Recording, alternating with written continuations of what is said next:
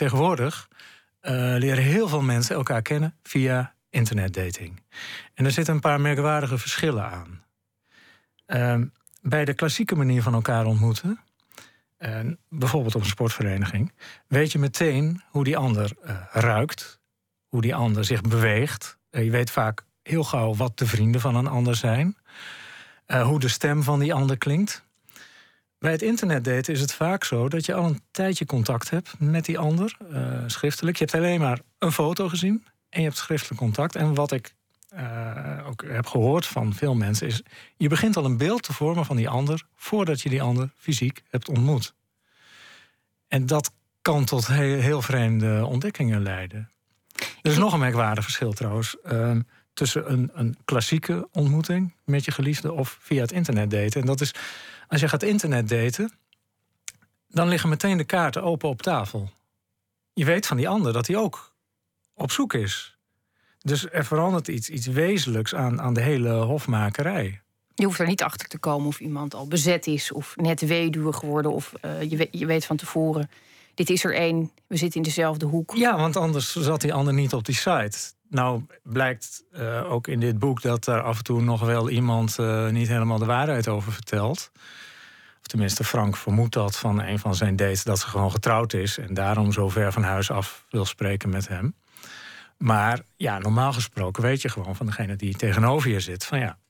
En ja, nogmaals, dat verandert dus heel, ja, iets wezenlijks aan uh, de manier waarop je die ander dan ontmoet. Ik vind vooral altijd heel merkwaardig, daar hoor je mensen weinig over. Jij noemt het net als eerste dat je niet weet hoe iemand ruikt het ruiken is, uh, dat gaat ik bedoel, veel verder dan alleen maar lekker of, of niet lekker vinden ruiken. Dat, dat, er zijn allerlei stoffen die, die, die je op die manier registreert en die allerlei informatie ja, opleveren. Het bevreemdt mij altijd ontzettend dat het überhaupt mogelijk is om. Uh, nou ja, jij zegt ergens, mensen worden soms al verliefd terwijl ze nog in de fase van het mailen zitten. Ja, ja, ja, mensen die gaan daten willen ook graag dus dat die ander de perfecte is. Dus je gaat ook een beeld vormen, een beeld dat, dat het waarschijnlijk eh, vaak eh, gunstig, te gunstig is. Maar inderdaad, ja, als geur ontbreekt, dat is al iets heel wezenlijks. Maar hoe compenseren mensen dat? Jij hebt, die, jij, jij hebt neem ik aan, uh, toen je dit boek werkte, heel veel van die, van die profielen bijvoorbeeld bekeken of gelezen. Wat mensen dan over zeggen. Hoe compenseer je dat gebrek aan, aan geur? Wordt het dan inderdaad opscheppen? Of je moet het dan ook van je taal hebben? Je zou ook kunnen denken, dat is ja, het is een, een totaal. Het is echt een wezenlijk andere manier van elkaar uh, leren kennen. Je, wat bijvoorbeeld wel met het internet daten vlugger gaat, is dat je, je ziet uh, meteen of de ander uh, een humor heeft van jouw niveau. Maar hoe meet je dat dan? Dat nou, als iemand reageert op jouw berichten op een bepaalde manier, dat, ja, dat, dat, dat, dat is een van de dingen die je wel uh, aanvoelt. Van hé, hey, ze uh, voelt mijn grapjes aan of niet. Maar ook dat kan misschien in de werkelijkheid ineens toch weer heel anders worden. Nou ja, je, soms zie je in mails dat mensen smileys zetten omdat ze niet zeker weten of de ironie. Ja, dat, dat wordt tegenwoordig vaak, vaak gedaan. Um, ik ben op zich niet tegen het gebruik van smileys. Nee? Het is soms, nee, het is soms wel veilig als je een, uh, ja, als je een bepaalde opmerking maakt die echt heel fout kan worden opgevat. Dan, ik vind de smiley wel een uh, verrijking van de taal. Hoor. Hij schijnt door Nabokov te zijn uitgevonden. Dus uh, nou, dat bestaat al een hele tijd. Pleit enorm voor de smiley, inderdaad. Jouw hoofdpersoon Frank stort zich in die wereld eigenlijk met niet bijzonder hoge verwachtingen. Het is, het is, het is in het begin meer een tijdverdrijf en een soort licht amusement zit er ook ja, in. Ja. En hij heeft eigenlijk hele lage verwachtingen. Misschien juist daarom um, is hij ontzettend onvoorbereid op wat er vervolgens gebeurt. Ja, dat klopt. Ja, Frank is echt onvoorbereid. Hij, is, hij denkt eigenlijk dat hij zijn, de rest van zijn leven door zal rollen zoals hij altijd gerold heeft. Blasé, zoals ik uh, zei. En uh, ja, daar overkomt hem natuurlijk iets dat toch al ingrijpend is. Ik, ik vind het heel fijn ook om een, een, boek te schrijven vanuit een personage dat uh, niet helemaal deugt of liegt of ijdel is. Of zoals in dit geval iemand die denkt dat hij heel precies weet hoe de wereld in elkaar zit. En uh, ja, dat, dat, daar vind je ook schitterende voorbeelden van in de wereldliteratuur. Uh, Emma van Jane Austen bijvoorbeeld. Of uh, Yevgeny Onegin van Pushkin. Dat zijn allebei mensen die, ja, die wel denken dat ze weten hoe de wereld in elkaar zit. En... Hou jij het ook langer uit? Want je, je, je, je, leeft natuurlijk best intens met die personages. hou jij het langer uit met iemand die enigszins nou ja, in dit geval is het echt wel een ijdeltuit, vond ik. Vooral in het begin. Dat, dat, dat, je, je begint hem later begint dat ook wel af te pellen. En dan zie je eens een andere kant. Maar ja, ja, kwestie van ja, langer uithouden. Kijk, als je zo'n personage. Kijk, ten eerste, je schudt de lezer meteen wakker. Als je een personage opvoert dat niet, niet helemaal deugt. Of, of liegt of wat dan ook. Uh, dat, dat, dat vind ik prettig om dat in een boek uh, te doen. En. Um, je krijgt ook vrij vlug uh, een soort humor. Ja, zit ironie in het verhaal. Want natuurlijk, uh, de lezer uh, voelt ook aan van... hé, hey, dit personage wordt nu opgevoerd in dit boek. die komt hier niet helemaal glans, glansrijk uit. En wat speciaal in dit boek belangrijk was... eigenlijk is het onder de oppervlakte van dit boek een loodzwaar thema... En om dan ook heel zwaar in te zetten, dat, dat vond ik geen gelukkige oplossing. Er is in een recensie, uh, of ja, eigenlijk in recensies over dit boek wordt gezegd: Oh, het is veel lichter van toon dan grip.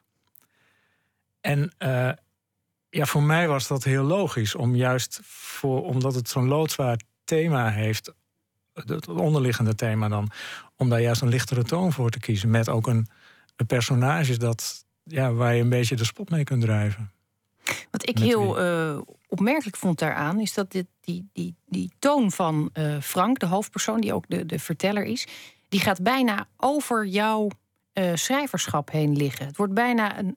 Het, het, is bijna alsof er ook een andere schrijver aan het werk is, omdat die sfeer zo bepaald wordt door je personage. Dat ik niet direct het. ik had het niet direct een, een, een enorme uh, enter-flashback toen ik, uh, toen ik het las. Ik vond het echt heel anders van toon daar. Nou, dat vind ik werkelijk een fantastisch compliment. Echt waar. Nou, het doet me deugd dat ik dat. Nee, want dat, bete ja, dat betekent. Ja, dat, dat probeer je natuurlijk als schrijver. Je probeert, je probeert uit wat je kunt. En uh, ja, ik, ik, ik, ik zou toch niet zes keer achter elkaar een grip gaan schrijven. Dus ik probeer nu iets heel anders. En al... Er zijn schrijvers die vinden het heel prettig om een boek dat bijvoorbeeld heel goed geslaagd is, om dat te blijven schrijven. Ja, maar artistiek gesproken vind ik dat de dood in de pot. Jij verzint volgens mij ook literatuurambtenaar. Is het, is het dat jij per boek ook problemen voor jezelf opwerpt die je vervolgens moet oplossen? Is dat een soort puzzel? Nou, het gaat, het gaat half bewust. Ik merk dat ik ontevreden word met mezelf als ik uh, ten eerste als ik mezelf herhaal, maar ook als ik iets probeer waarvan ik weet, oh, dat kan ik wel. Dus ik zoek eigenlijk altijd naar iets waar ik een soort risico loop voor mezelf. Van, oh god, als dit maar goed gaat. En dat, dat is goed. Ik, ik denk dat ieder, eigenlijk moet je dat als schrijver altijd doen, als dichter ook, denk ik. Ja, een, dus- dermate een begin creëren waarbij je dermate jezelf moet overtreffen. Ja, of, of gewoon nieuwe, nieuwe eh, kanten van jezelf moet verkennen. Van, nou ja, ik heb nog nooit zo'n personage als Frank opgevoerd. Van ja, kan ik dat? Nou ja, en het, het je maakt het jezelf dan ook nog extra lastig, omdat er veel seks in voorkomt. Dat is een van de.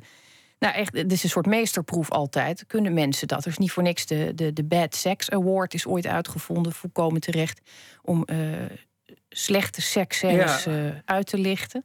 Ja. Wat is, hoe ga je te werk daarin? Want je, je weet natuurlijk heel goed hoe het niet moet. Um, ja, nou, kijk, ik heb het niet bewust. Ik dacht niet van, nou, nu uh, in de eerste vier boeken komt bijna geen seks voor. Laat ik nu eens even lekker veel seks opvoeren. Het zit erin omdat het de kern, het is het hart van, van het probleem van het boek. Um, ik loop wel eens uh, te vertellen, uh, als ik een paar glazen op heb, dat je eigenlijk maar op twee manieren goed over seks kunt schrijven. Of het moet ontzettend grappig zijn of het moet ontzettend triest zijn. En alles daartussenin is volgens mij uh, porno of soft porno. En verder moet je het, um, je moet het heel kaal gedetailleerd doen. Dus, dus vooral geen. Uh, nou ja, ik herinner me een quote uit een boek van, uh, van Leon de Winter. dat zij hem soepel en genotvol bereed. Ja, dat moet je dus nooit doen, zoiets. Je moet vooral, je moet precies beschrijven wat er gebeurt. En ja, dan kan het. Je, je moet een soort, eerlijkheid over de, over de situatie. En het vooral niet opleuken, vooral niet sappig willen maken. Of... En uh, ja, dan kan het. Maar ja, goed, het is niet aan mij om te beoordelen of het gelukt is. Maar dat wil ik. Het is een, uh, het is een belangrijk uh, onderwerp in het boek, omdat het mede bepaalt uh, hoe deze relatie zich ontwikkelt. Het is een, wat dat betreft een, een, een, eigenlijk een hele eenvoudige situatie. Man ontmoet vrouw en, en, en, en, en, en ze willen wel van alles, maar het is moeilijk. Ja, ja dat, dat sprak mij ook heel erg aan. Uh, de eenvoud van de plot, die we dan misschien toch maar niet helemaal prijs moeten geven. Nee, nee we gaan niet vertellen hoe het afloopt. Dat is, zou ook zonde zijn. Maar het is wel uh, in dit geval, en dat herken ik wel uit je andere werk. Het gaat heel vaak over de keuze tussen blijf ik aan de zijlijn toekijken zodat ik ja. het overzicht heb, of stap ik erin. En dan ben ik het overzicht kwijt, maar dan leef ik echt. Dan neem ja. ik deel. En daar, uh, dat is eigenlijk in, in, in deze situatie ook ja. aan de hand. Ja. ja, maar ik vind dat ook, dat, dat speelt inderdaad in mijn boeken heel vaak een rol. Maar dat is ook ja, de manier waarop je keuzes maakt in het leven. De manier waarop je bijvoorbeeld omgaat met iets dat heel gênant is. Of iets dat. Uh, of met, met, met, ja, met verraad van iemand om je heen of zo. Dat is toch de bagage waarmee je door het leven gaat. Dit soort beslissingen, dat, dat, is, dat is je koffertje. Nou, het is als schrijver natuurlijk ook altijd een hele fundamentele vraag of je nog tijd hebt om te leven naast het schrijven. Of je uit die rol van toeschouwer komt.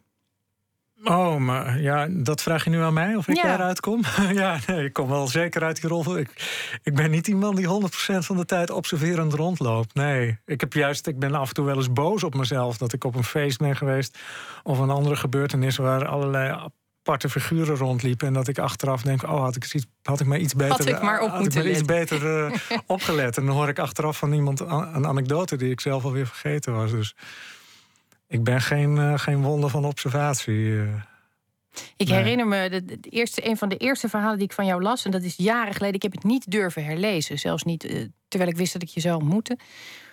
Dat gaat over een jongen die een spreekbeurt moet houden over postzegels.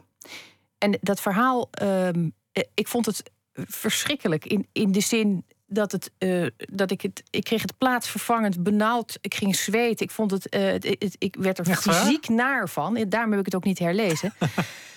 ja, nou, dat is leuk om te horen. En ja, toen dat... las ik later in een interview dat dat iets is wat je. Uh, jij zei toen: schrijven is geen therapie. Maar je merkt wel dat op het moment dat je iets persoonlijks hebt gebruikt, het daarna je hebt ja. er nooit meer daarna aan teruggedacht. Nee, dat heb ik inderdaad gezegd. Dat klopt ook. Nee, kijk, mijn boeken zitten chockvol autobiografische elementen, maar ik manipuleer het aan alle kanten. Dus, dus um, ja, zelfs ook grip zit vol met autobiografische elementen, maar het verhaal als geheel is helemaal niet gebeurd. Um, maar dit verhaal, dat is het eerste verhaal uit mijn debuut. Uh, ja, dat gaat over iets heel gênants dat ik op de middelbare school heb meegemaakt. Uh, spreekbeurt in de brugklas. En ik, uh, ja, iemand die een, uh, een lezingje houdt over postzegels en niemand luistert. Behalve als hij over geld begint. En dan kan hij kiezen of gaat verder over geld, maar dan moet hij een beetje gaan liegen. Of hij vertelt de waarheid, maar dan weet hij dat hij weer de aandacht van de hele klas verliest. En ik heb de foute keus gemaakt in de brugklas. En dat heeft me jarenlang achtervolgd. Volgens mij heeft iedereen dat wel. Dat je terugdenkt aan iets van, van 10, 20 jaar geleden. En dat elke keer dan krimpt je hart weer een beetje samen. Van, oh, wat vreselijk dat ik dat heb kunnen doen. En het gekke is dat toen ik dat verhaal had geschreven, was ik het kwijt. Dus ja, het klinkt heel goedkoop, maar het heeft echt uh, therapeutisch uh, Ja, nou ja, zolang het per ongeluk therapeutisch is, vind ik het nooit zo erg als dat... Uh... Als nee, maar ja, goed. Uiteindelijk is het toch ook goed om te schrijven over wat je op, obsedeert. Ook al is dat een idee. Ik vind het wel frappant trouwens dat je zegt: ik heb de verkeerde keuze gemaakt. De keuze tussen de waarheid vertellen en de aandacht van de groep verliezen, of een beetje liegen en de aandacht vasthouden. Een ja, maar goed, in het verhaal wordt hij als leugenaar ontmaskerd. Ja, dat is jammer, en, inderdaad. En dan, dan gaat hij natuurlijk nog veel harder op zijn bek. Dus maar dat dit... is dan de verkeerde. Dat is mijn werkelijkheid niet overkomen trouwens. Maar ik heb me er toch altijd voor geschaamd. Jij bent opgegroeid in. Uh, ik, vond ik een prachtige omschrijving. De gesp van de Bijbelbelt. In, uh... Ja, die heb ik niet zelf verzonnen hoor. Die is van de dichter Peter Dugarijn. Kijk, daar hebben we dan weer dichters voor nodig om dat Ja, soms wel, ja. ja. Ja. Ik dacht, eh, ja, ik, ik herinner, me dat, herinner me dat van de week, dat ik dat niet eh, zelf heb gezonden. ja. Maar het klopt. Uh, Barneveld, dat is een, eh, ja... Heb je alle, alle kerken van Nederland hebben daar wel een dependance, geloof ik. En allemaal fanatiek ook, volgens mij. Ja, ja, ja. Het is natuurlijk, eh, dat, dat is, dat, is eigenlijk onnodig om te zeggen, maar het is natuurlijk een hele bepalende invloed eh, voor je schrijverschap. Met name, denk ik, omdat je verhalen hebt meegekregen. Ja, ja je, vanaf van jongs af aan eh, krijg je Bijbel mee. En ook echt in de, in de oude vertaling. Dus de, de echte gewelddadigheid De van de Bijbel krijg je mee. Ja, en dus ik vond Annie M. G. Schmid vond ik een slap af- aftreksel toen ik dat eenmaal eh, voor mijn kiezen kreeg. Ehm, en ik had daarbij ook nog iets anders. Dat een, eh, de jongste broer van mijn moeder, die was maar negen jaar ouder dan ik, die wilde later schoolmeester worden. En die leerde mij al schrijven toen ik drieënhalf was, geloof ik. Lezen en schrijven. En dat heb ik heel lang echt vreselijk gevonden, want ik heb me kapot verveeld in de eerste klasse van de lagere school. Maar later heb ik wel eens gedacht, misschien was het ook wel heel goed. Want juist doordat ik eh, me zo heb verveeld, heb ik ontzettend zitten dromen op school.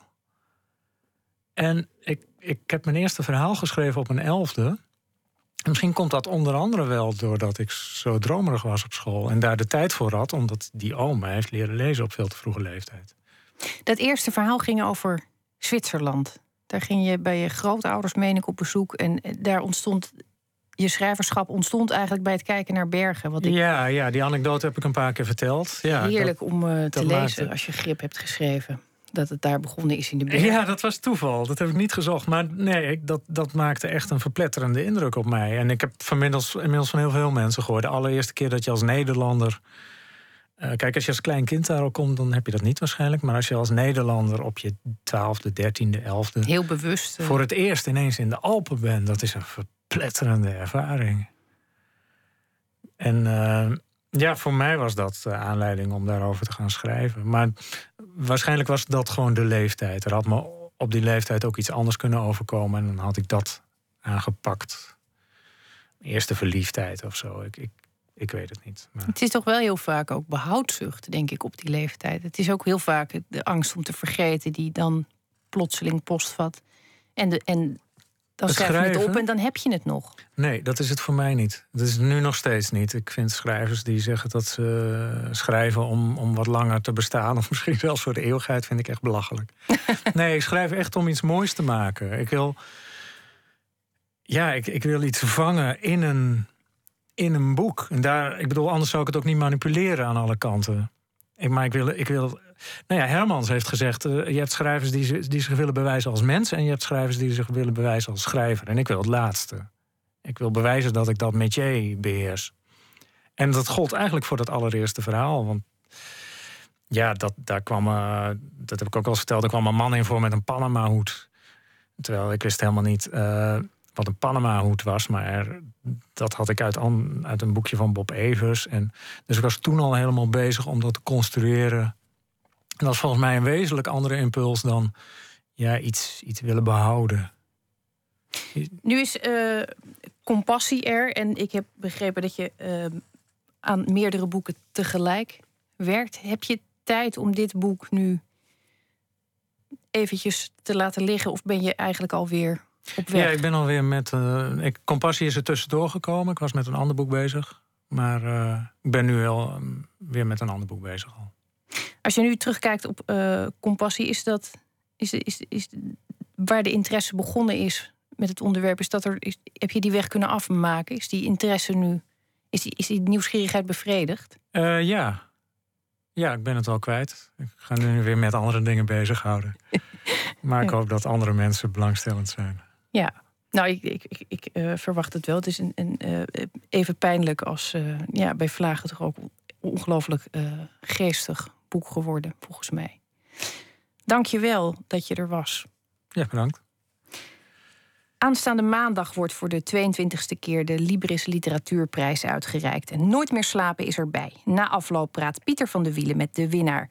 En in aanloop naar die prijsuitreiking laten we iedere dag een ambassadeur aan het woord... die een van de genomineerde boeken aanprijst. U heeft er van ons nog één te goed. Monte Carlo van de Vlaamse schrijver Peter Terrin. En zijn ambassadeur is schrijver en landgenoot Ivo Victoria.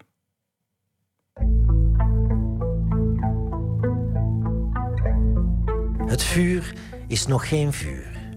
Niet echt. Maar de hoogwaardige brandstof die net uit de lotus is gelekt, is geen vloeistof meer. Deze verandert van gedaante op dit ogenblik. Een brute ommekeer die gepaard gaat met wat sommigen zullen omschrijven als een geblaf, een gemeenplaats. In werkelijkheid het geluid van een reusachtig, naar zuurstof happend beest. Geen vuur nog, een wolk van hitte zonder kleur. Voorlopig onzichtbaar in het felle zonlicht van deze uitzonderlijk warme lentedag in Monte Carlo.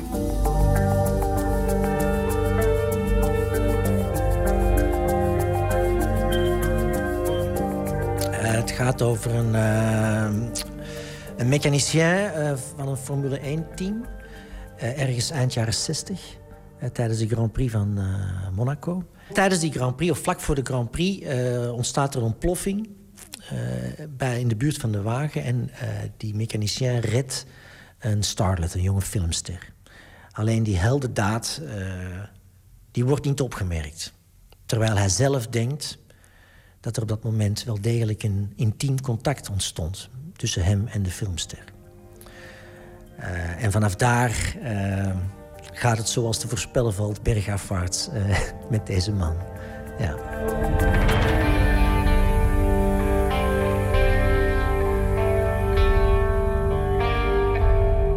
God, Peter Terinde is, um, een, um, is een echte... En dat klinkt eigenlijk een beetje als een vals compliment. Het is een echte vakman. En wanneer je vakman zegt, dan dan heb je al de neiging, of voor mij heeft het woord altijd een beetje een soort van saaie bijklank.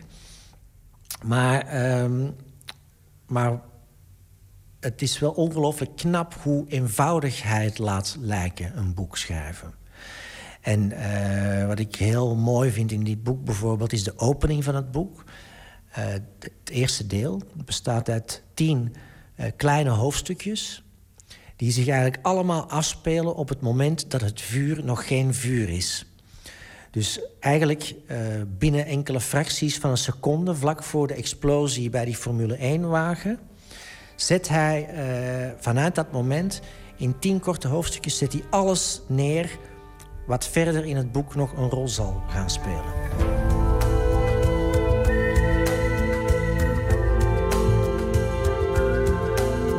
Ik heb het een keer met hem over gehad. Over hoe hij Monte Carlo had geschreven. Uh, en toen hadden we een typisch schrijversgesprek. Namelijk, dat, dat is heel... Dat is heel het is een heel, heel, heel stom gesprek eigenlijk, maar dan gaat het over hoeveel woorden per dag schrijf je. En toen we het erover en toen zei hij van ja, um, bij Monte Carlo uh, kwam ik echt niet verder dan 200 of 250 woorden per dag.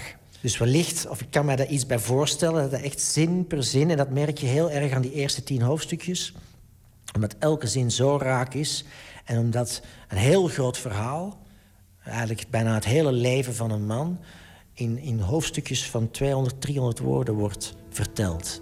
Doordat elk moment, elke zin raak is.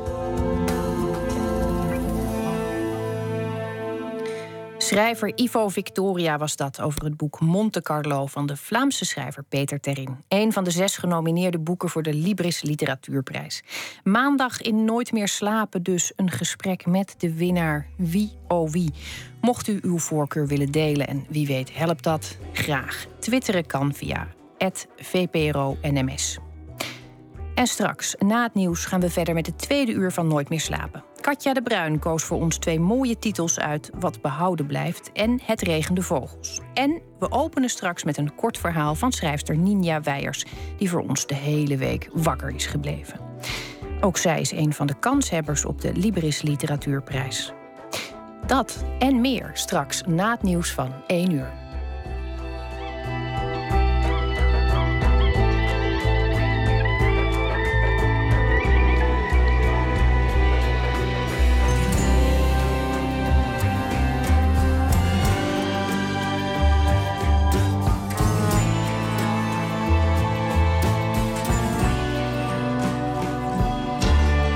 Radio 1. Het nieuws van alle kanten.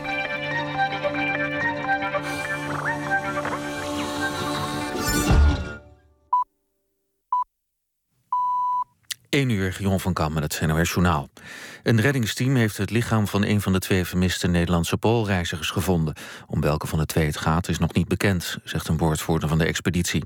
Het reddingsteam arriveerde gisteren op de plek in het noorden van Canada waar de spullen van de mannen lagen. Daar wisten ze het stoffelijk overschot van een van hen te bergen.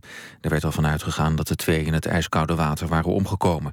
Mark Cornelissen en Philip de Roo werden sinds eind april vermist.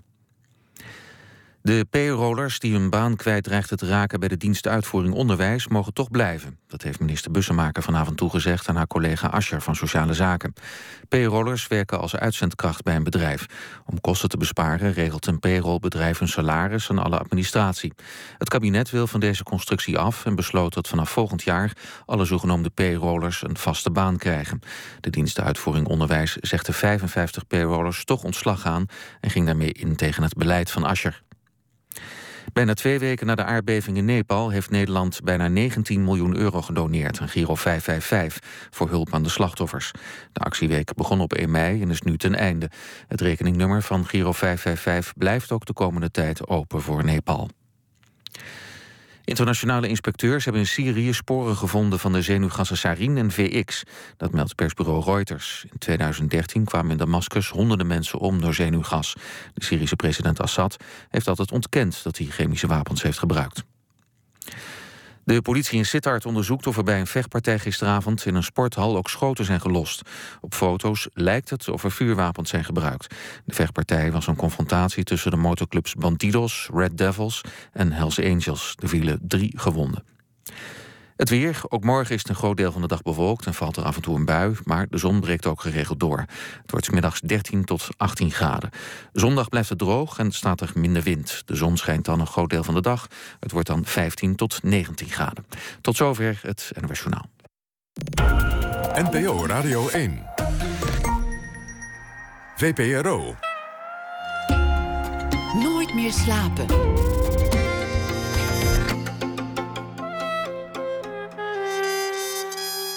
Met Esther Naomi Perquin.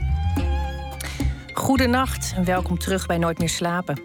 Kinderen krijgen, dat is een universeel gegeven, maar verschilt heel erg van land tot land. Straks spreken we met de Vlaamse fotografe en journaliste Lieve Blankaart, die overal ter wereld geboortes heeft vastgelegd. En theatergroep Mug met de Gouden Tand bestaat 30 jaar. Dat wordt dit weekend uitgebreid gevierd met zowel recente voorstellingen als oude successen. Een van de oprichters, theatermaakster Johan Nederlof, blikt met ons terug.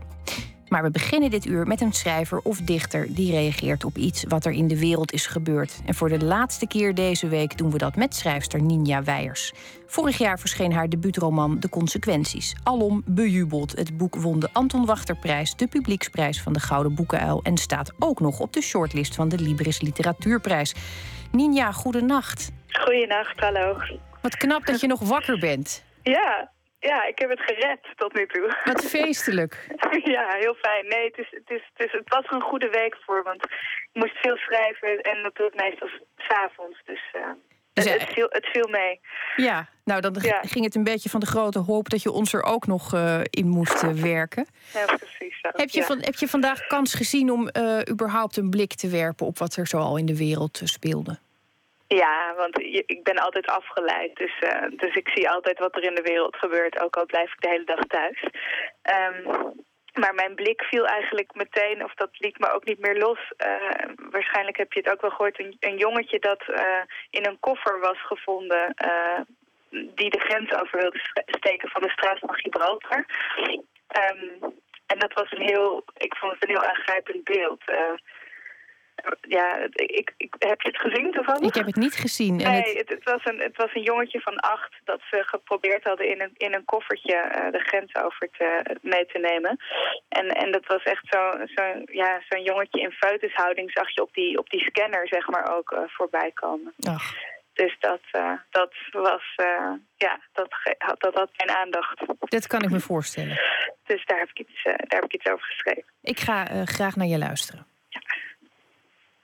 Ik werk al bijna tien jaar voor de Guardia Civil. Sinds vorig jaar ben ik hier gestationeerd in Zeta. Het is een exclave. Politiek wel met het moederland verbonden, geografisch niet. De Marokkanen zeggen dat we hun godsgebied bezetten, maar wij Spanjaarden hebben daar geen boodschap aan. Er was een tijd dat driekwart van ons land werd bezet door de Ottomanen. Ik denk dat wij wel kunnen inschatten wanneer iets bezetting is. Wat kan ik zeggen over mijn leven hier in Septa? Ieder uur vaart er een veerboot in 40 minuten naar de overkant van de straat van Gibraltar. En vijf keer per dag een lijndienst per helikopter. Iedere dag komen er hordes Spaanse toeristen met de veerboot om belastingvrij allerlei troep te kunnen inslaan.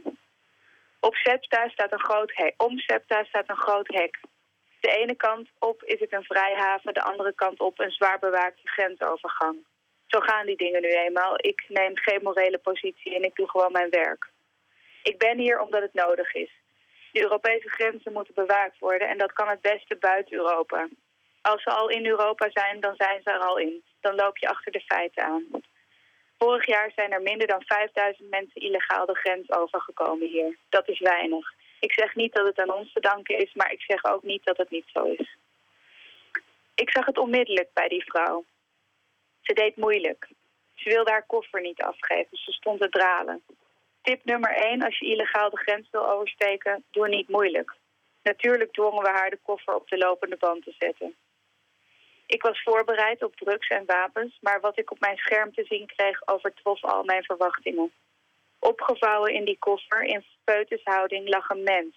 Het was bijna kunstzinnig, de compositie, de kleuren. Vlug ritste ik de koffer open. Wat ik zag was niet fraai. De jongen leefde nog, dat wel, maar hij was in beroerde staat. Hij zei, ik heet Abu, ik ben acht jaar oud, ik kom uit Ivoorkust. Ik stond daar maar, zonder te bewegen. De jongen keek me aan, ook zonder te bewegen.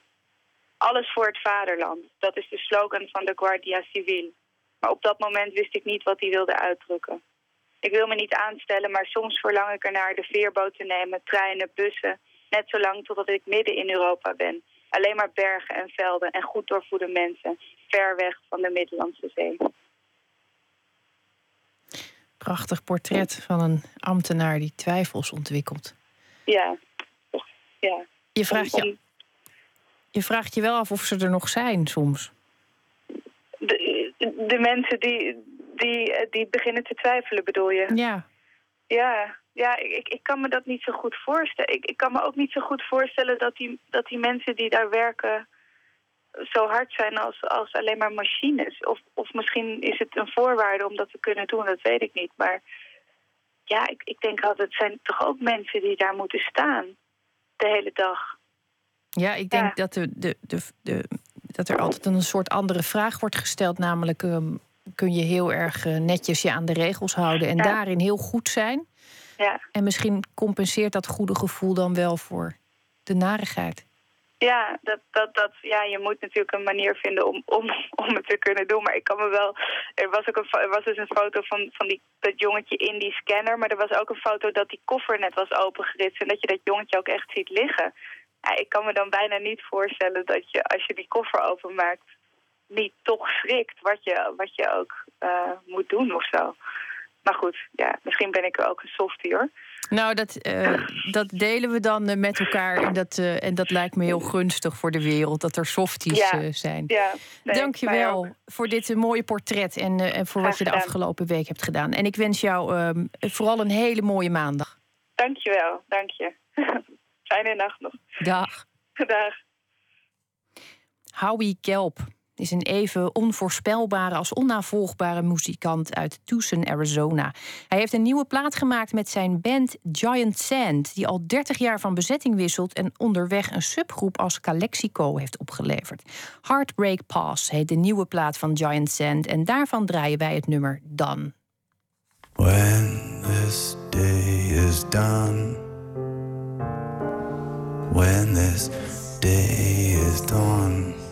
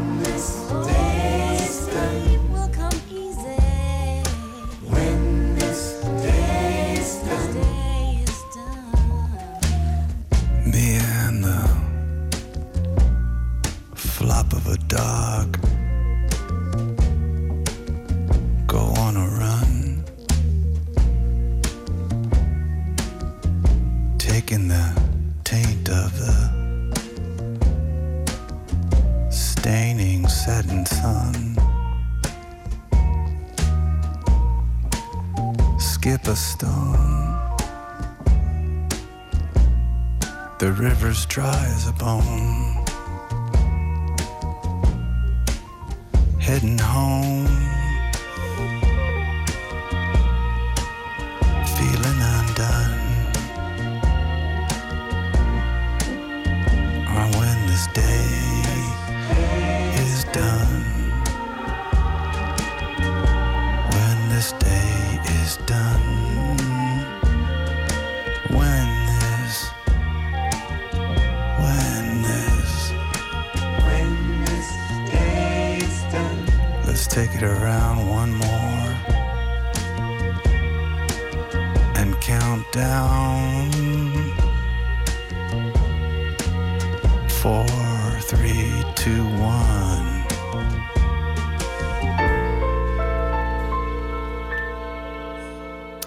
Aan de nieuwe plaat van Giant Sand werkten tal van gastmuzikanten mee. Onder wie ook twee Nederlanders, J.B. Meijers en Ilse de Lange. Dan heet het nummer dat we draaiden. Nooit meer slapen. Elke dag worden er 364.501 kinderen geboren. 300 per minuut, 5 per seconde. Fotografe en journaliste Lieve Blankaert heeft drie jaar lang de wereld over gereisd om deze gebeurtenis vast te leggen. Het resultaat is vanaf 24 mei te bewonderen bij de VPRO, maar is nu als tentoonstelling in Zutphen te zien. Verslaggever Maarten Westerveen trok naar de Hanzestad en sprak Blankaert terwijl ze de laatste voorbereidingen trof voor de opening van de expositie.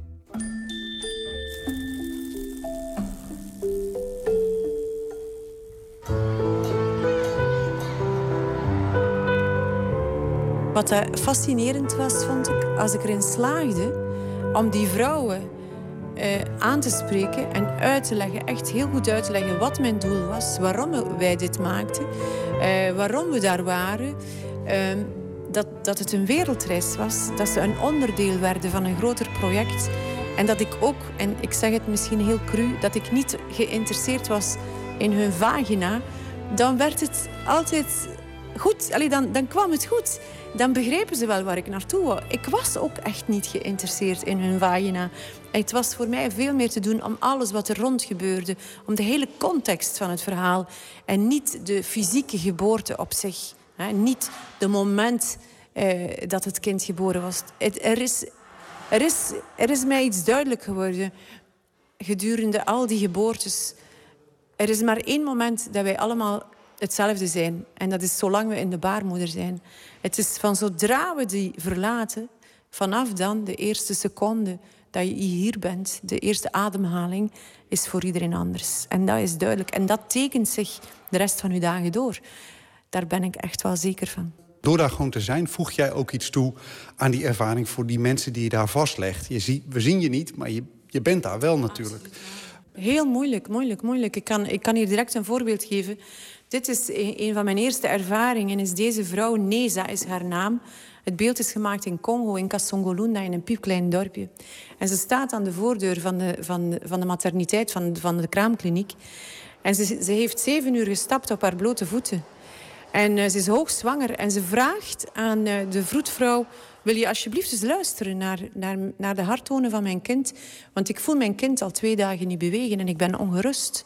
En het is maandagochtend. En die maandagochtend luisteren die twee vroedvrouwen met een plastieke horentje op de buik van Neza. En ze horen niets. hè. Ze zeggen niks tegen Neza. Ik zie hoe dat ze hun schouders ophalen naar elkaar, die twee vroedvrouwen. En vervolgens hoor ik hoe dat ze zeggen tegen Neza... Weet je wat je doet? Komt vrijdag terug. En vrijdag zullen we kijken wat er aan de hand is met uw kind. Dat was voor mij al een ongelooflijk examen. Want je moet maar proberen om als journalist, als fotograaf, televisiemaker je bek te houden op dat moment. En niet tussen te komen. Niet aanwezig te zijn in dat verhaal. Het is ontzettend moeilijk. Dus ik was mijn tong in 25 stukken aan het bijten. En ik kon me niet meer houden, want ik zag ze lopen. Ik zag ze terug met haar kleine eh plastieke zak terug naar huis stappen op haar blote voeten. En toen eh, ben ik, eh, eh, heb ik me boos omgedraaid naar de vroedvrouwen en zei: Kom aan, waarom doen jullie dit? Waarom laten jullie dit gebeuren? En toen zeiden ze: Hoe wil jij dat wij dit oplossen? Wij hebben benzine om die motor één keer per week in gang te steken. Als wij dat vandaag doen met NESA, dan kan vrijdag niemand nog een echo krijgen, begrijp je? Dus het is echt een pure, ja, de macht van, van de armoede die op dat moment uh, enorm is en domineert. En daarom is Neza haar kind ook gestorven. Haar kind leefde op vrijdag ook al niet meer. En ze heeft een dood kind gebaard. Ik vind het zo hard gewoon omdat ze... Ze zit op een plastieke bed uh, zonder iets. Ze heeft niks bij. Ze is alleen gekomen. Geen kleren bij. Ze heeft zelfs geen dekentje voor haar kind. En nu moet ze nog haar eigen bloed en haar vruchtwater... En zitten opkuisen met, met het weinige dat ze hebben. Dus ik vind dat gewoon zo schokkend. Misschien moet ik daar niets van vinden. Misschien is dat niet mijn... Uh... Misschien is het niet aan mij om daar een mening over te hebben, maar... Maar toch vind ik het niet juist. Is er nog een, een foto voor jou, die een hele, behalve die eerste die je net al aanwees? Is er een eentje voor jou die een hele directe... Ja, bijvoorbeeld als je dit contrast kan zien met Kuwait... en daar heb je dan uh, Nairobi. Dit is Miriam in Kuwait en daar is Lilian in Nairobi. En uh, dat, is, dat zijn eigenlijk twee vrouwen die op net hetzelfde moment in hun leven zitten. Zij maken net hetzelfde mee. Ze hebben net een kind gekregen. Mirjam ligt eh, op een troon. Ze is uh, helemaal... Eh, haar make-up is uh, gedaan. Ze ligt in een, in een kamer van 100 vierkante meter. Haar dekbed is met gouddraad gemaakt. Er liggen gouden kussens klaar. En ze ligt klaar om bezoek te krijgen. Ze zal alleen maar vrouwen op bezoek krijgen. De baby zal in het karretje terechtkomen en die zal drie gangen verder gevoerd worden. En als ze de baby wil tonen aan haar bezoek dan zal ze haar televisie aanzetten en er hangt een webcam boven uh, het hoofdje van de baby en zo kan ze de baby tonen aan het bezoek. En dan Lilian aan de andere kant is, uh, haar kind, heeft haar kind gebaard in Nairobi in Pumwani ziekenhuis. Zoals ik al zei, een van de grootste materniteiten in, uh, in Afrika. Meer dan 100 kinderen worden geboren. En zij ligt samen in bed met een vrouw die nog moet bevallen, die nog in arbeid is. En zij heeft net haar kind gekregen. En wat mij echt ongelooflijk geraakt heeft.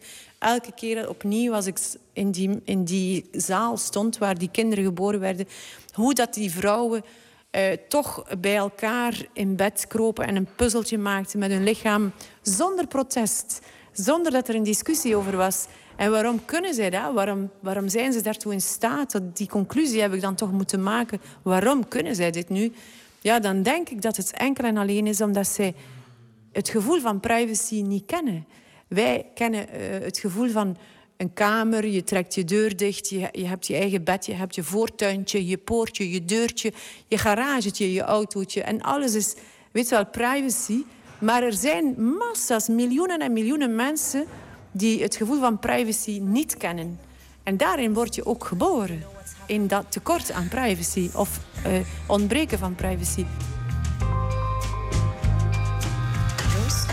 The woman over there, uh, she's scream, she's, she's screaming all the time, sister, sister. How long will it take you? Take it's to... because of pain. That's why she's screaming.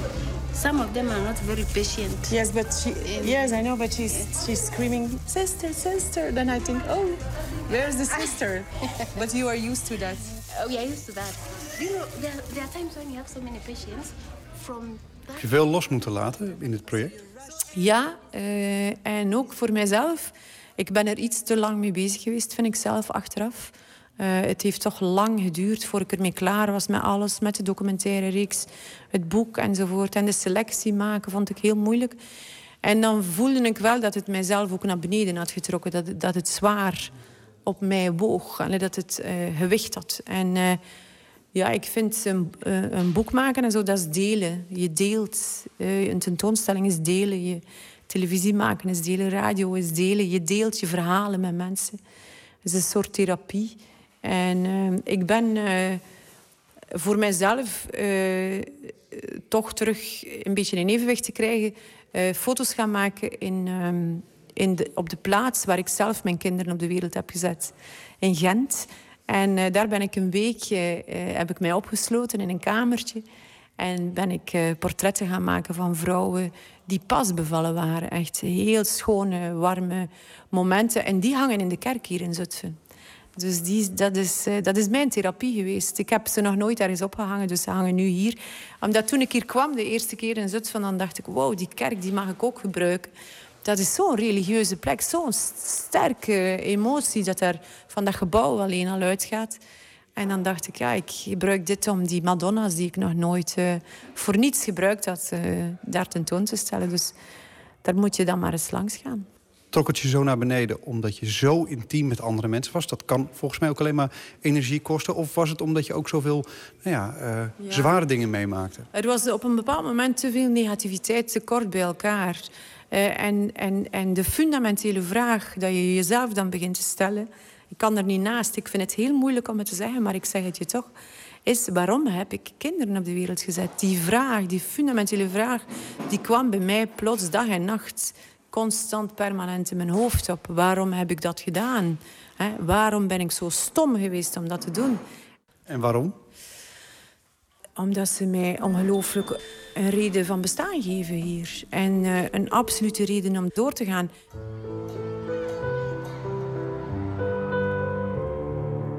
So you wear our little baby strip and we have to be very quiet. I will, I will. It's just a small room. You can see. There is one there. We have three there. so four, five, six, seven, eight, nine, ten. Yeah, this is in this little room. And when I see them grow from a tiny baby like the one you saw, it's such a joy to me.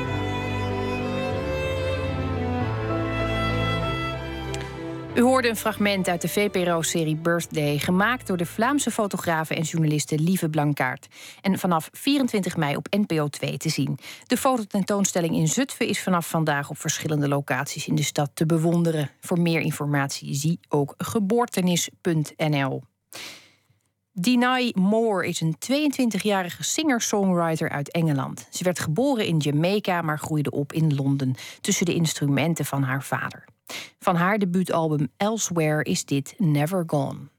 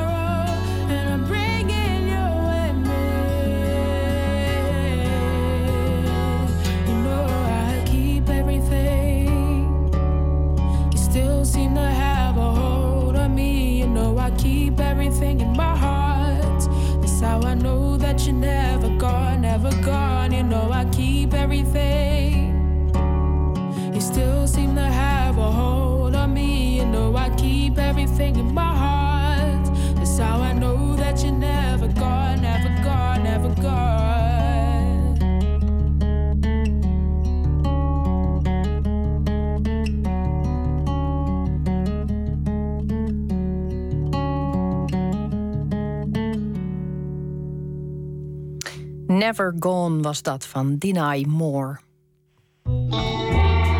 Nooit meer slapen. Iedere vrijdag bellen we voor een culturele tip met een van VPRO's smaakmakers. En vandaag doen we dat met Katja de Bruin, boekenredacteur van de VPRO-gids. Katja, goedenacht. Goedenacht.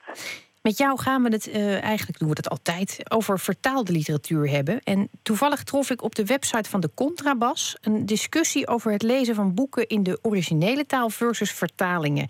Eh, Rob van Essen bemoeide zich ermee en Jan van Mersbergen. En ehm, de een zegt je kunt beter een vertaling lezen in je eigen taal dan een moeilijk te begrijpen origineel in een vreemde taal. En de ander zegt. Ja, maar zelfs in de goede vertalingen gaat er altijd wel iets verloren, een nuance, een dialect. Nou, kortom, dat is een discussie die uh, regelmatig opnieuw gevoerd moet worden. En uh, waar we allemaal eigenlijk over mee kunnen en willen praten natuurlijk. Uh, hoe kijk jij naar die kwestie?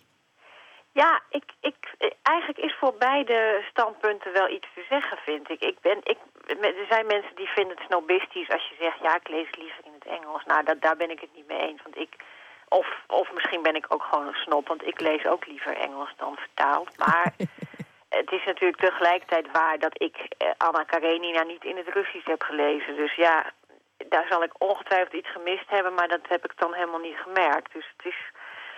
Ik, ik snap best dat mensen denken, ja, ik mis wat als ik het niet in het Engels lees. Uh, maar ja, andersom is het ook waar. Je mist misschien altijd wel iets. En het is maar net waar je meer van houdt. En ik hou gewoon heel erg van de Engelse taal. Dus voor mij eh, is het een genot om iets in het, in het Engels te lezen. Maar ik zal ook nooit iets... Ja, in Duits of in Frans? Nou, nee. Dat, uh, dat, dat doe ik ook niet. Dus... Uh, ik, ik, vind, ik vind eigenlijk een beetje een, een, een, dat iedereen het gewoon voor zich moet weten. Waarom zou je, dat, uh, waarom zou je iemand moeten verwijten dat hij het een wel of, of niet doet? Nou ja, ik, ik had het nog wel leuk gevonden als er dan ook een oproep volgde dat we massaal Russisch moeten gaan leren om. Ja, ja, het is natuurlijk wel zo dat we heel vaak die discussie hebben... hebben we dan over talen die we beheersen... zodat we de vertalingen kunnen vergelijken. Ja, precies. Terwijl natuurlijk heel veel prachtige boeken vertaald zijn... waar we het origineel niet naast kunnen leggen. En dan nemen we gewoon aan dat het heel goed vertaald is.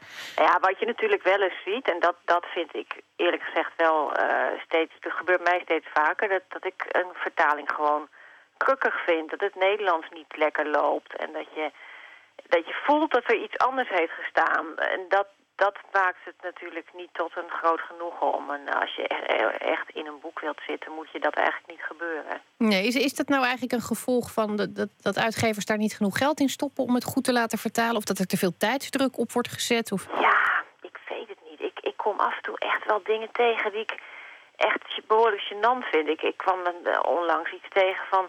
Daar was uh, er was sprake van een etablissement. En ik kon gewoon zien dat daar establishment bedoeld werd. nou ja, dan uh, ben je toch wel behoorlijk ver afgedwaald van wat de auteur bedoelde. Ja, ja bijna uh, nieuw soort poëzie, zullen we maar zeggen.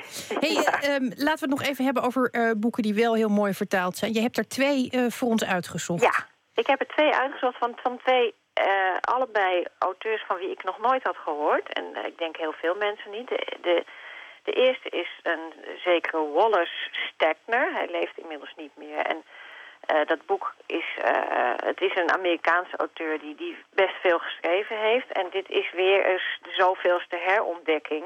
En eerlijk gezegd dacht ik, ja, je kunt toch niet aan het blijven herontdekken. Maar verdomd, als het niet waar is, dit is toch weer echt een fantastisch boek.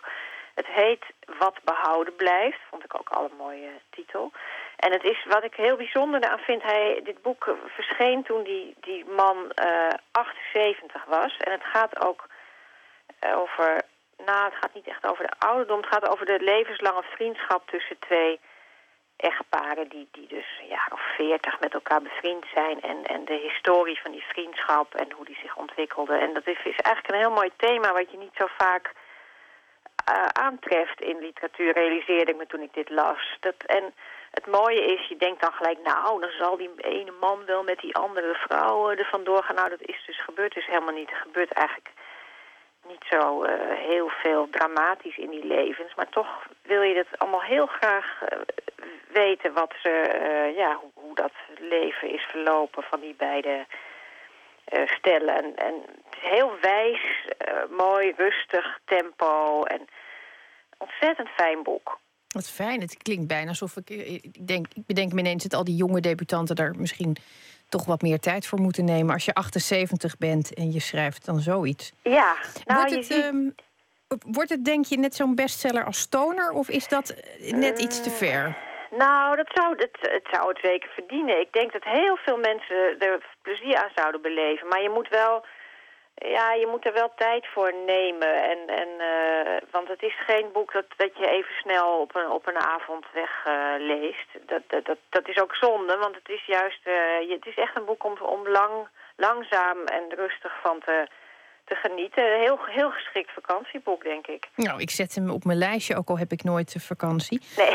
Um, er is nog een ander boek waar je uh, hoog over opgaf. En dat, dat heet Het regende vogels. Ja, dat is ook een... Uh, nou ja, dat is een heel wonderlijk boekje. Dat gaat eigenlijk ook over de ouderdom, maar dan op een hele andere manier.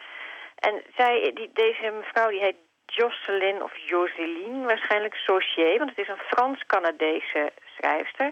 En ik hou altijd wel van Canadese schrijvers. Uh, alleen zijn de meeste Canadese schrijvers die ik lees of heb gelezen Engelstalig. Dit is dus een Franstalige schrijfster. En dit boekje, uh, het is maar een, een, kleine roman. Het is iets van, uh, nou even kijken, het is nog geen 200 pagina's, 190 pagina's. En het gaat over een stel oude mannen die zich terug hebben getrokken in, het, in de Canadese wildernis om daar ja, eigenlijk om daar rustig op hun manier uh, oud te worden en het tijdstip waarop ze dood willen gaan zelf te kiezen. Dus ze trekken zich terug uit de maatschappij om verschillende redenen. En ze leven daar in, een soort zelfgebouwde hut met een hond. En uh, ze stoken een vuurtje, ze, ze strikken, een haas. En, uh, en als het leven klaar is, dan staat er een busje strychnine klaar. En dan, nou, dan zeggen ze elkaar gedag en dan is het mooi geweest. En ja, dat is wel een heel gek uh, en mooi thema, vind ik. Dat, wat, wat natuurlijk voor ons, uh, met onze fijne euthanasiewetgeving... misschien iets minder opzienbarend is dan voor een heleboel andere mensen. Maar het, is, het, het, raakt wel aan heel veel ja, echt existentiële vragen... Het is wel heel ver um, getrokken dat je ook echt zelf op, op de plaats en de tijd die je kiest, ook nog wel met het lot in eigen hand. Het klinkt wel als een, um, als een heel uh, bijzonder boek. Ja, dat is het. Dat is het. Het is ook wel een beetje uh, somber en, en uh, er valt niet heel veel te lachen, maar dat hoeft ook niet altijd. Het is, en het, het is misschien ook niet 100% geloofwaardig, maar de, de, de manier waarop ze die sfeer in die wildernis en die, die, die, zwijgzame mannen die daar eigenlijk genoeg hebben aan het gezelschap van hun hond en daar gewoon lekker de, de tijd uitzitten. Dat is toch, ja, die is toch wel heel erg goed getroffen.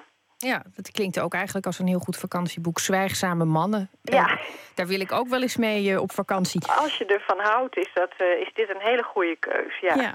Nou, we onthouden hem zeker. Um, tot slot, en dat is wel iets om, om te lachen, tenminste dat hopen we met z'n allen. Maandag wordt de winnaar van de Libris Literatuurprijs bekendgemaakt. En uh, van Arjan Peters, Arjan Fortuyn, sorry. Arjan Fortuyn schreef vandaag uh, in NRC Handelsblad dat, dat, dat de jury toch wel vaak het, het, boek kiest met de minste vijanden. Is dat, is dat nou echt zo makkelijk, ja. denk jij? Nou, dat, ja, ik weet, er wordt natuurlijk al ieder jaar wordt er weer dit soort, worden dit soort speculaties uh, gevoerd. Het is ook, is ook leuk tijdverdrijf, want niemand weet het gewoon. Het is wel zo dat, dat er heel vaak verrassende keuzes uh, gedaan worden. En af en toe heb ik ook wel eens gedacht van... god, zou dit niet gewoon een compromis zijn omdat ze er niet uitkwamen... en dan doen we die maar.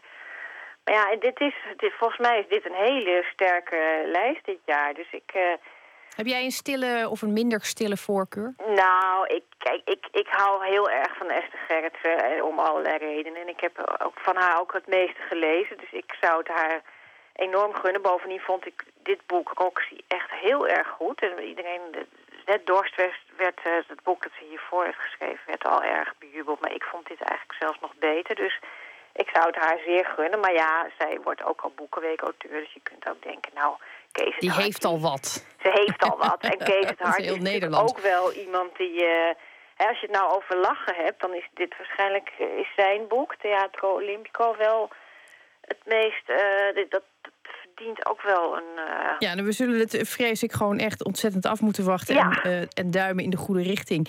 Katja, dank je wel. Graag gedaan. En voor wie weer eh, wil weten, kan ook terecht op de website vpro.nl/slash boeken.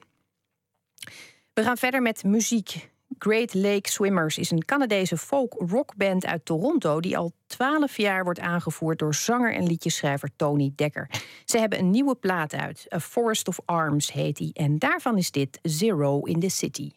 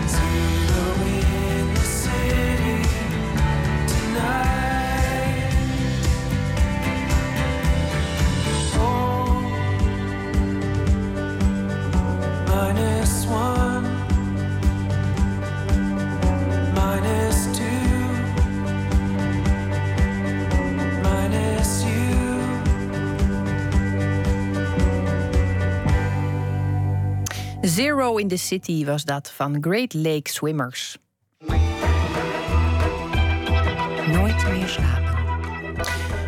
Johan Nederlof en Marcel Musters zijn theatermakers en vanaf het eerste uur verbonden aan de groep Mug met de Gouden Tand. Die is opgericht in 1985 en dat betekent dat ze nu 30 jaar bestaan. Dat vieren ze met een festival in de stad Schouwburg in Amsterdam. Reprises van theaterstukken, maar ook televisieseries zoals Hertenkamp zijn daar te zien. Verslaggever Botte Jellema praat met Johan Nederlof over de rijke geschiedenis van de Mug. Mug met de gouden tand. Waar is in vredesnaam die naam vandaan gekomen? Dat is een goede vraag. Eh, nou, we, we zijn begonnen met, met, eigenlijk met twaalf acteurs. En eh, het was opgericht door Jan Ritsema. Maar toen hebben we dus heel lang met, ja, met die twaalf mensen en Jan... over een naam na zitten denken. Echt eindeloos lang. En toen, ja, als je dan in zo'n stadium bent, dat je dan hele flauwe dingen gaat verzinnen. Weet je, toen zei Marcel, uh, oh ja, ik weet het, het is een raadseltje. Dat zei mijn moeder altijd, het blinkt en het vliegt in de lucht. En dat was een, trouwens een mus met een gouden tand, niet een mug. Maar goed, en toen ging iemand roepen, ja, dat is het, dat is het. En toen vond Jan het eigenlijk ook een hele goede naam. Je had toen allemaal van die hele zakelijke namen. Hè? De zaak, uh, later weer tot de trust, uh, de salon. De, weet je wel, dus wij wilden iets beetje Japansachtige, haiku-achtige sfeer. nou, maar nu is het soms wel onhandig omdat je e-mailadres zo lang is.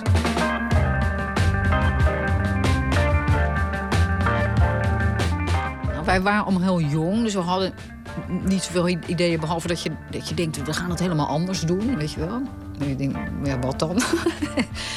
en, maar Jan die, die, die wilde heel graag met, met ongevormde acteurs zoeken naar nieuwe manieren van, van uh, verhalen vertellen. Maar al heel gauw is die groep enorm uit elkaar gevallen. Want dat, ja, dat, weet je, dat zijn bij elkaar gezette mensen. En Jan ging zelf ook weg na twee of drie jaar. Toen wilden we wel doorgaan. Want we hadden in de, intussen wel de smaak te pakken. Weet je, want het was niet zo dat er groepen waren. Het werktheater was, vonden we geweldig. Maar die echte die groep van toen die zo goed was. Die, die, was op zijn eind toen wij uh, begonnen. Dus wij vonden het veel spannender om zelf iets te doen. En wat gingen jullie precies doen? Nou, het was vrij literair. Dus we bewerkten boeken eigenlijk. En dat was al. Uh, ja, dat, dat was al zoeken naar vorm natuurlijk. Want hoe doe je dat dan? Weet je wel? We hebben bijvoorbeeld uh, The Years van Virginia Woolf... wat over een paar generaties vrouwen gaat. Ja, dan ga je dat boek lezen en denk je... oh, dat is eigenlijk wel heel mooi. We wilden dat doen met drie jonge... waren drie jonge actrices. En dat, en dat boek ging heel erg over ja, drie generaties. En dus we wilden de jongen spelen, maar ook de, wat gebeurt als je ouder wordt, als je heel aan het eind van je leven staat. En dan gingen, we, ja, dan gingen we eindeloos improviseren met stukken tekst en zo. En daar, op een gegeven moment komt daar dan een vorm uitrollen. Maar je moet heel veel geduld hebben. En je moet ook niet in paniek raken. Weet je wel? Want, want heel veel acteurs, ook nu nog, weet je wel, dan zeggen ze van ja, leuk, dan ga je dingen zelf maken. Maar nou, dat is namelijk helemaal niet zo leuk. Er komt altijd een moment dat het helemaal niet meer leuk is. Weet je wel?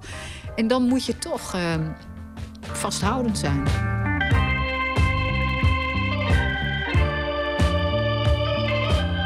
Uh, 1996. Uh, toen speelden jullie Co-Star.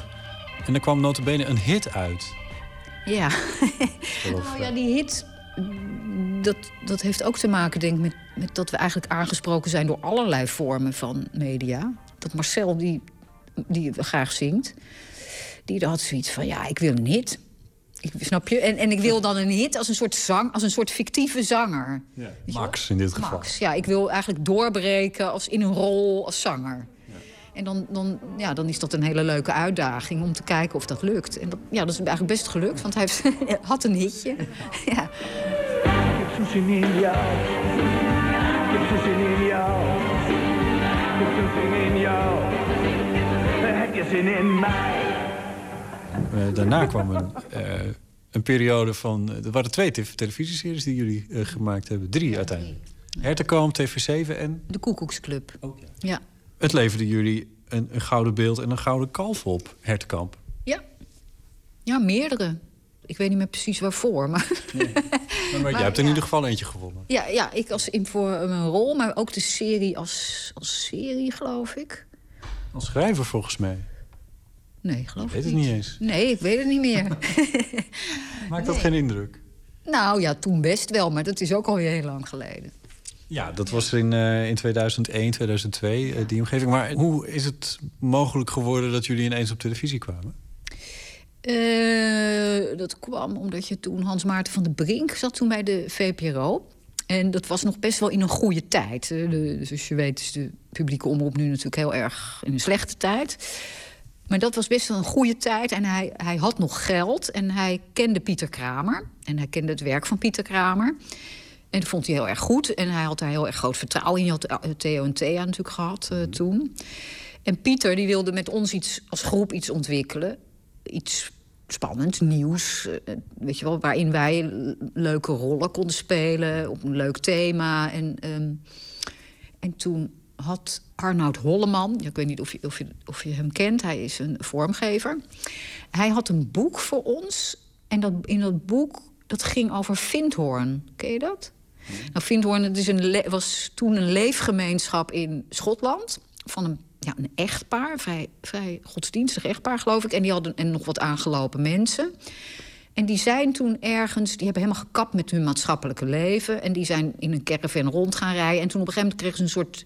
Zij had een soort contact met het hogere. En dan kregen ze een, een, een teken. Hier moeten jullie op een dag, weet je wel, blijven, die caravan neerzetten en je gaan settelen. En, die- en die plek was ongelooflijk vruchtbaar, bleek later. Dus die, die, dat boek van Arnoud stond vol met foto's. Weet je wel, niet zulke bloemkolen, maar zulke bloemkolen, weet je wel. En, en, dat- en dan ging het verhaal dat ze daar elf zagen... en dat dat een hele spirituele plek was en zo. En toen zei Pieter... ehm, het zou eigenlijk heel erg leuk zijn, want dat, dat is nog steeds wel... maar dat was toen zeker een, een, echt een deel van mensen... voelde zich door dat spirituele aangesproken dan is het leuk als we in onder één kap zo'n echtpaar hebben. En dan daarnaast een heel erg kapitalistisch, materialistisch ingesteld carrière-koppel. en eh, nou, dat, dat zijn dan Eva en Wiebe. En aan de andere kant Patty en Grace. En dan, en dan woonde Max nog als een soort zielige, eh claustrofobische eh, iemand erbij in.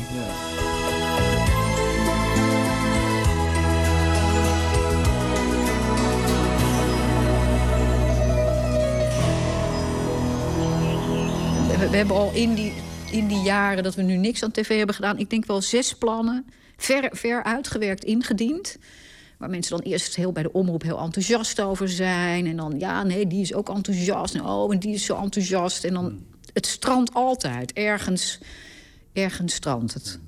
In een trechter van iemand die dan iets moet beslissen... en dan toch voor iets anders kiest... omdat dat een soort package deal is weer met andere programma's en omroepen en zo. Jammer. Ja, ja dat is een beetje frustrerend. Wel. Met de komst van hun lieve dochter Chantal. Die niet helemaal goed is. Dat hoeft helemaal niet eens, Jean. Ik zou er erin zetten. Dat weet toch iedereen wel? Ik herinner me de humor die daarin zat. Eh, dat heeft altijd een belangrijke rol gespeeld bij jullie, die humor. Ja, ja altijd. Als je lacht, dan, dan ga je toch een beetje open.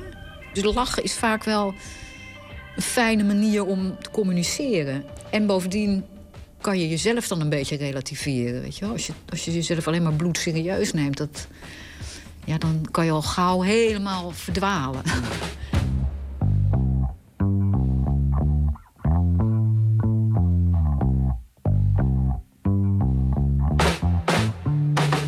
Ja, dat is dan eh, een voorstelling over jou, ja, over jou, je oma.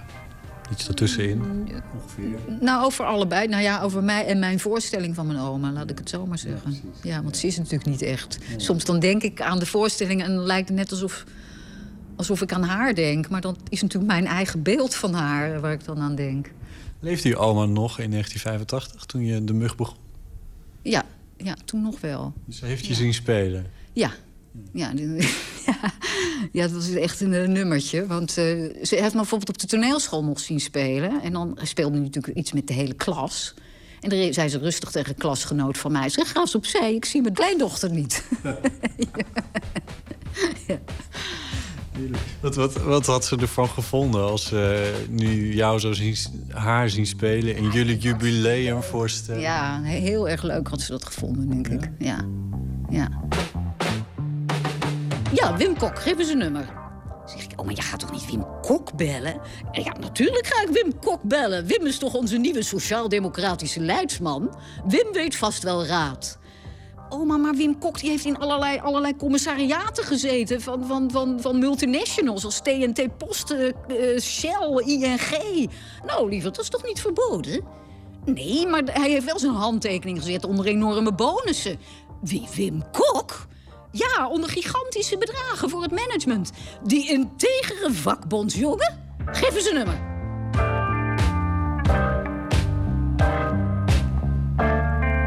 Johan Nederlof met een fragment uit haar laatste voorstelling Sinaasappelstraat... die ze maakt met haar groep Mug met de Gouden Tand. Deze voorstelling is te zien in het jubileumprogramma... rond het 30-jarig bestaan van de groep in de stad Schouwburg in Amsterdam. En het begon vandaag al en morgenmiddag, dan is het nog steeds zaterdag... dus eigenlijk vandaag is er onder meer een hertenkamp marathon.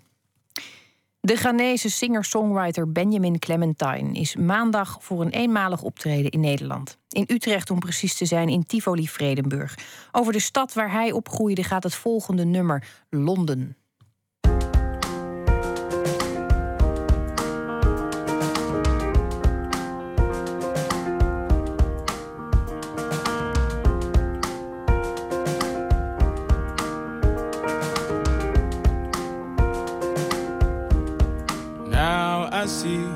Sits in the back of this grey caravan.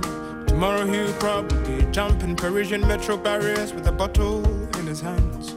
Sparkling, sparkling water mixed with peaches and rum. Honestly, I don't drink, but if I did, this would be my favorite punch. He said.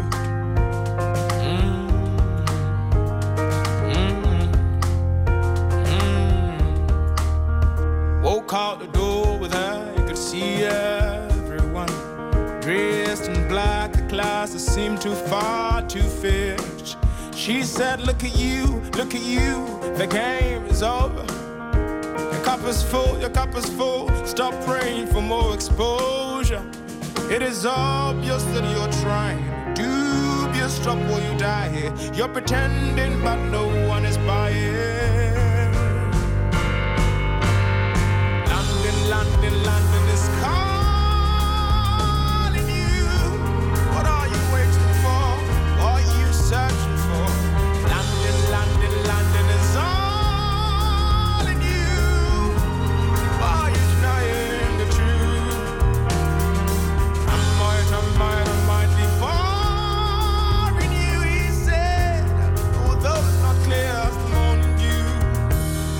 Preferred ways are not happening, I won't underestimate who I am, capable of becoming. Het blijft een mooi verhaal dat deze Benjamin Clementine in de metro van Parijs werd ontdekt door de eigenaars van een Franse platenmaatschappij. Het gebeurt gelukkig nog. En we sluiten deze aflevering weer af met een dichter die ons de nacht instuurt met een favoriet gedicht. Deze week is dat de keuze van Josse Kok. Het Beest van Dordrecht wordt hij wel genoemd. Zijn debuutbundel uit 2013 heet dan ook Ik heb geslacht. Hij sluit de week af met een toepasselijk gedicht van Hugo Claus, getiteld Dichter.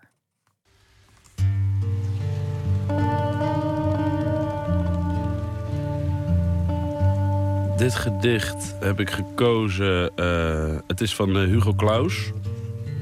En ik heb het eh, gekozen omdat het een soort van.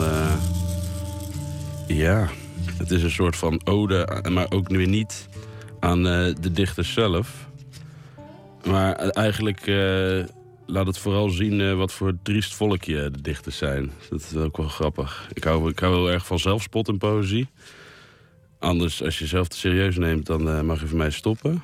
Maar ja, Hugo Claus weet dat wel eh, heel mooi. En met eh, zware woorden, maar toch niet te zwaar of zo, weet hij dat wel eh, uit te leggen. Nou, ik zal hem voordragen. Dichter heet het. Herfst, hoor, geknetter. Hoor je dat zwaar geratel? Het nadert in onze kleren, in onze haren, luizen van geluid. Wat is dit melaats geprevel? Kind, het zijn de dichters buiten, die klappertanden. Hoe dichter de dichters bij hun sterven geraken, des te grimmiger kermen zij naar de sterren. In de ochtendmist waarin hun beelden smelten, bevriezen de dichters in een herkenbaar Colbert. Hoor hoe koortsig zij hun naderend vergaan verklaren, want hun laatste gereutel moet doorzichtig zijn. Hun weduwen van lezers doen snikken. O, ons ego was te duister, klagen zij. Dat vroeg de tijd, poly-interpretabel als wij. En kijk, zij kruipen uit de windsels van hun ziel, de mond vol kroket en gebed om genade, voor hun prostaat, hun plagiaat. Ei op sterven na ontdekken de dichters plots de bedarende mirakels van goden, aforismen, aspirines, tederheden. Voor het eerst kan hun lief iets van haar lief met haar lippen lezen. En voordat de dichters, loze winterappels door de plukkers als ondermaats versmaad, uiteindelijk ook vallen in november, willen zij voor eeuwig voor de buren verstaanbaar vallen, in melkboerentaal, als ooft natuurlijk beurs. Zij blijven bitter luisteren naar het gefrommel van de krant, die hun naam verkeerd blijft spellen. En zij vullen hun kruiswoordraadsels in, vol anekdotes, angst en struikelende liefdes. Maar te laat, te doof worden de dichters gewaar dat wat duister en bot was in hun verzen niet lichter wordt door sleet, door de duur, maar dat het blijft bederven. Ondoorgrondelijk blijven hun huis, hun woord, de evenaar, het azuur. Hun stuurse donkerte blijft gemeen als geld en als de dood zo vluchtig. Maar apropos, jijzelf, ja jij, vereerde jij ook niet de splitsing, de gisting eerder dan het monument? Zocht jij ook niet in elk motet een epitaaf? Wrong jij niet een embleem uit elk letsel? Vond jij je geblutste ik niet in elk bord zwezerik? Jawel, nog overeind droom ik van het letterlijke. Zeker. Tot het einde toe die muizenissen, rozen, paradijzen, radijzen, voze gelijkenissen. Met tot op dit papier deze lijken van letters. Adieu, schrijven de dichters, een leven lang. En vergrijzend als lavendel in november blijven zij gangreen en grap en raadsel erbarmelijk bedelen om mededogen zoals ik voor de sleet op mijn oren en ogen, die jou beminden, beminnen. Josse Kok hoorde u met een gedicht van Hugo Claus. En volgende week hoort u de favoriete gedichten van Willem-Jan Otte. En ik vertel nog iets over maandag. Dan spreken we met de winnaar van de Liberis Literatuurprijs. Wordt het Adriaan van Dis, Esther Gerritsen, Kees het Hart, Gustaf Peek, Peter Terin of Ninja Weijers? Dat gaan we maandag horen en dan is Pieter van de Wielen er weer. Maar ik eh, laat u straks achter in de capabele handen van Maarten Westerveen met woord. Maarten, wat staat ons eh, te wachten? We gaan, eh, we gaan met de vlam in de pijp de straat op. We gaan het over de gouden koe hebben. Namelijk de auto. Ik weet niet, heb heb je wat met auto's? Ik heb alleen wat met auto's als het lelijke eenden zijn. Want Dat is de mooiste auto aller tijden. Daarna had eigenlijk niks meer hoeven komen en daarvoor misschien ook niet. wat wil de kever dan voor jou betekenen? Niets. Is dat dan een goedkoper aftreksel? Ik, de- ik denk het, ja. Andere diersoort, eh, niets met elkaar te maken. Nou, eh, blijf dan maar straks luisteren op de rit, terug naar eh, huis. Dat ga ik doen. Want eh, dan ga je horen wat er allemaal komt. We gaan met Rob Muns naar Dakar bijvoorbeeld. Daar kijk ik echt naar uit. Elke documentaire van Rob Muns is het luisteren waard. En deze ook. Eh, wordt volgens mij wel mooi. Nou, ik ga er in ieder geval voor zitten op de terugweg. Eh, ik wens u voor nu in ieder geval een mooie nacht.